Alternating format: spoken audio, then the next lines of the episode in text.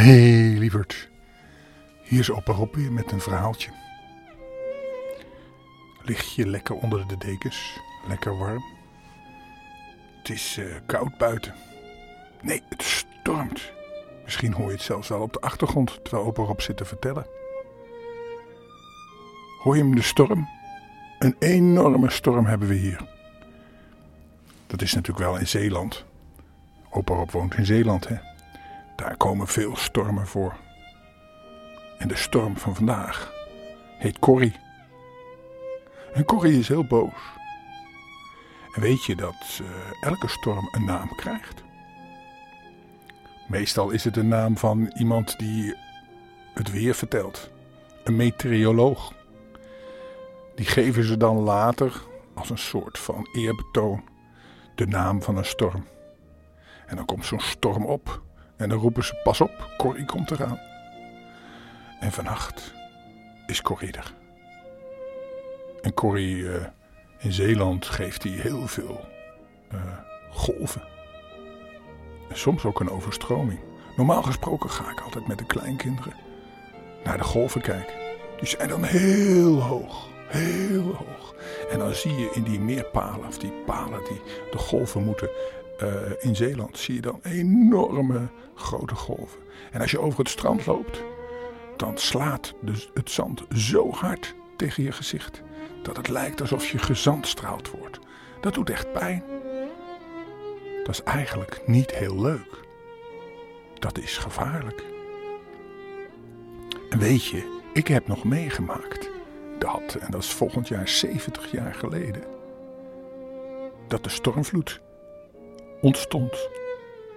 Dat noemden ze de grote stormvloed van 1953 met een dijkdoorbraak. Weet je dat nog wel? Ja, dat was de ramp van 1953. Ja, ik was er zelf niet bij, maar ik heb wel gehoord dat mijn uh, schoonvader, die uh, is naar de zolder geklommen, want het water kwam binnen in zijn huis.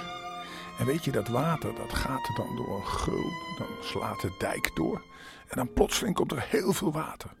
En dat heeft heel veel kracht.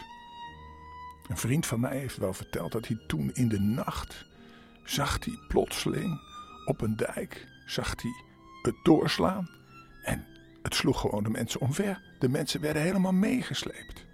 Dat was echt niet leuk hoor. En alle mensen gingen dus op zolder zitten.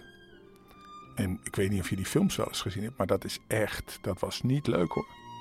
En weet je wat het ergste was? Het was zo enorm koud. Het was de winter, hè? Heel koud. Ja, gelukkig liggen wij nu in ons bedje. Dat is niet zo koud. En wij luisteren alleen maar naar Corrie uh, in de vechten. Want we horen alleen maar een beetje geraas van de wind door de bomen. Dus dat is niet zo erg. Maar vroeger was het wel erg hoor.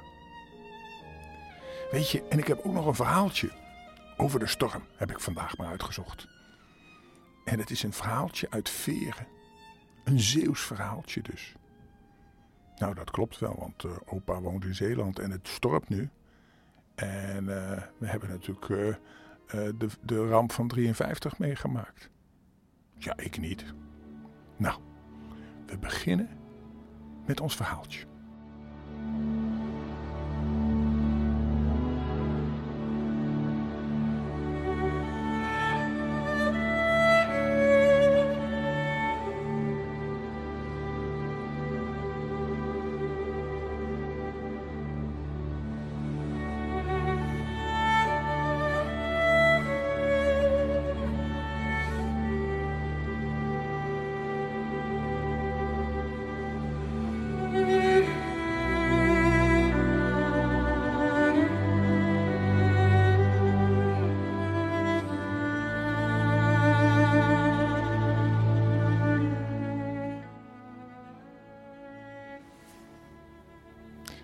Van vandaag is het spookhuis De Griffioen. Wie goed keek, kon op de scheefgezakte gevel van het oude huis De Griffioen nog het jaartal 1527 ontcijferen. Al drie eeuwen stond dit huis aan de rand van de gracht. Vele huizen waren in de loop van de tijd afgebroken en onbewoonbaar verklaard, maar niet de Griffioen. En toch wilde geen enkele inwoner van Veren er zijn intrek nemen. Alleen vreemdelingen, onbekend met de geschiedenis van dit huis. Zij wilden het huis wel huren, maar nooit voor lang. Onder de bewoners van Veren deden diverse spookverhalen over de Griffion de. Het huis was vroeger een logement. Met een zeer slechte naam. Dat is een soort logeerhuis, is een soort klein hotel. Maar door de romantische ligging aan het water en de lage prijs voor zo'n groot herenhuis kwamen er steeds weer nieuwe huurders op de proppen. Maar die huurders bleven nooit erg lang. Het kwam bij niemand op om potentiële huurders te waarschuwen of af te schrikken met de spookverhalen. De dorpsbewoners gunden hun stadsgenoot, de makelaar Cornelis Griep, zijn verdiensten. Met beleefd zwijgen hoorden de inwoners van Veren de huurders aan, die geschrokken vertelden wat hen was overkomen in dit spookhuis. Het was in het begin van november van het jaar 1836 dat de nieuwe huurder op het punt stond zijn intrek te nemen in het huis. De makelaar Cornelis Schiep stond al te wachten, met een grote bos sleutels in zijn hand, toen er een rijtuig arriveerde. Een lange, slanke vreemdeling stapte uit. Hij zag er deftig en voornaam uit in zijn dure kostuum. De mannen schudden elkaar de hand. Meneer Griep. Ja, ik hoorde voor het eerst in dit huis in een Londense club toen men sprak over spookhuizen. De verteller had korte, korte tijd in dit huis gewoond en was zeer geschokt over wat hij daar had meegemaakt. Het verbaasde hem zeer dat niemand in Veren een blijk van herkenning had gegeven. Het leek of iedereen voor het eerst die spookverhalen hoorde. Ook u leek zeer verbaasd. De vreemdeling vervolgde zijn relaas. Ik begrijp de inwoners van Veren wel. Wat heeft het voor zin om een huis dat veel geld opbrengt in een kwaad daglicht te stellen? Heb ik gelijk of niet, meneer Griep? De makelaar was rood aangelopen en stotterde. Ja, ja, ja, ja, meneer. De vreemdeling lachte geluidloos en trad het huis binnen. De makelaar volgde schoorvoetend. De lucht van de kamers in het huis was muf en verstikkend. Wanneer de avond valt, zie je overal onbekende schaduwen bewegen, begon de makelaar. Horen mensen achter deze kasten de valdeuren die er al eeuwen geleden zijn weggebroken en ze klappen dan nog open en dicht.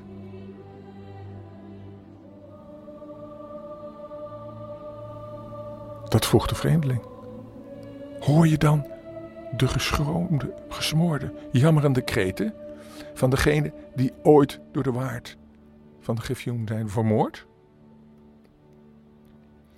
Cornelis Schiep kon niet anders dan dit beamen.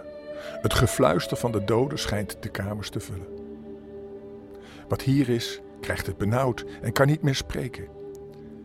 Hij vlucht dan uiteindelijk naar buiten en klopt op mijn deur of op de deur van een van mijn buren. De huurder vertrekt vervolgens naar betaling van de huur voor een heel jaar. De waard van de griffioen brengt op deze wijze na zijn dood meer geld in het laadje dan tijdens zijn leven. De vreemdeling keek de makelaar pijnzend aan. Ik had hier graag mijn intrek genomen, want ik ben absoluut niet bang voor geesten. Toch vertrek ik dadelijk weer naar Middelburg, want dit huis zal hier morgen niet meer staan.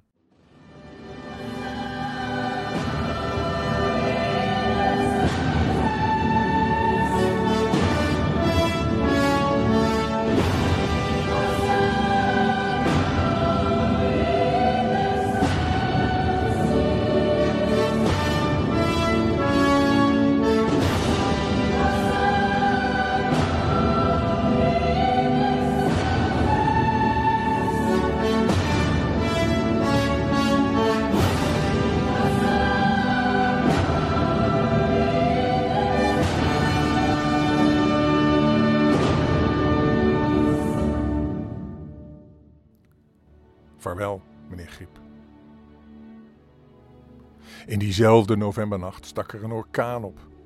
En de volgende morgen luidden in veren de noodklokken. Hoge golven teisterden het plaatsje. Een springvloed joeg de golven op in het Veerse gat. Het huis, de griffioen, was volledig ingestort en zou nooit meer opgebouwd worden.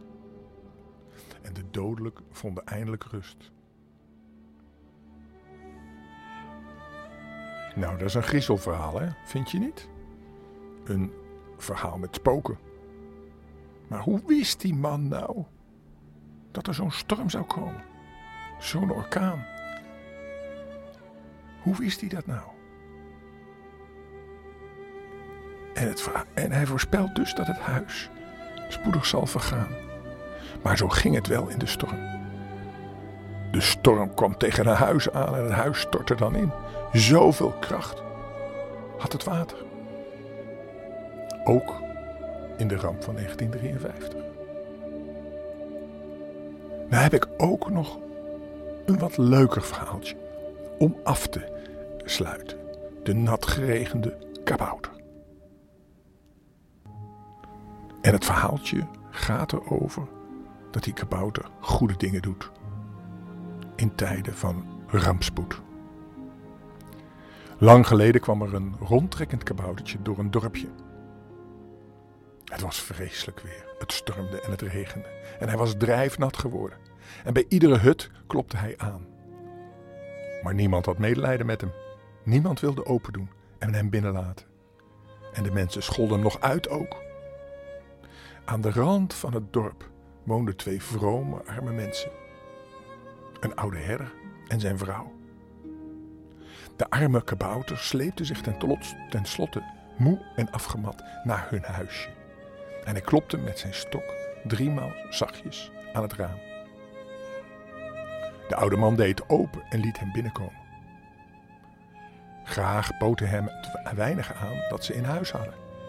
En de vrouw bracht hem met thee wat brood, melk en kaas. De kabouter slurpte wat druppels melk en at wat broodkruimels en een klein stukje kaas. Ik dank jullie hartelijk voor jullie gastvrijheid en God zal het je belonen, zei hij. Nu heb ik genoeg gerust. Ik stap maar weer op. Ach nee, doe dat toch niet, riep de vrouw. Wil je de nacht naar buiten gaan in dit hondenweer? in deze storm? Blijf toch liever hier slapen. Maar de kabouter schudde zijn hoofd en glimlachte. Boven op de berg heb ik nog van alles te doen en ik mag niet langer wegblijven. Morgen zullen jullie wel aan me denken, zei hij. En daarna nam hij afscheid. En de beide oudjes gingen naar bed. Ze legden zich ten ruste, zoals je dat noemt. De volgende ochtend werden ze al vroeg gewekt. De onweer en hevige storm. Bliksemstralen flitsten door de rode lucht. En het water kwam in stromen van de berg af. Daar scheurde boven op de berg een reusachtig stuk rots los. Het rolde door het water van de helling af, naar het dorp. En het sleepte onderweg de bomen, stenen en aarde mee.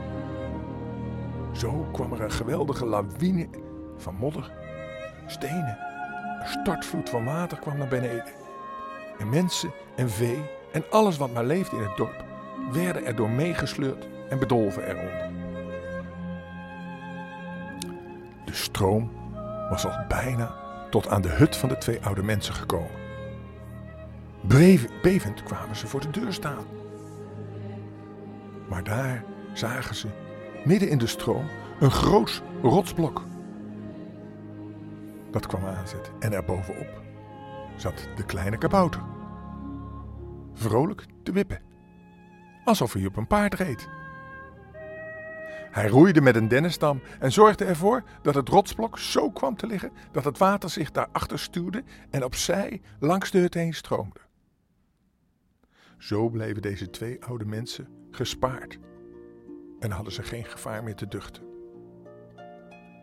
Toen begon de kabouter plotseling te groeien en te groeien. Hij werd zo groot als een geweldige reus. En hij loste tenslotte op in de lucht. De oude herder en zijn vrouw knielden neer en dankten God voor hun redding. Nou, dat was een mooi sprookje uit Zwitserland, waarin als er zoveel natuurgeweld is, door storm of door regen of door overstromingen, dat er altijd iets goeds is. En dat deze kabouter de mensen in feite bedankt heeft voor hun gastvrijheid. Hé lieverd, nou gaan we lekker slapen. Morgen zal de storm wel eens zijn gaan liggen.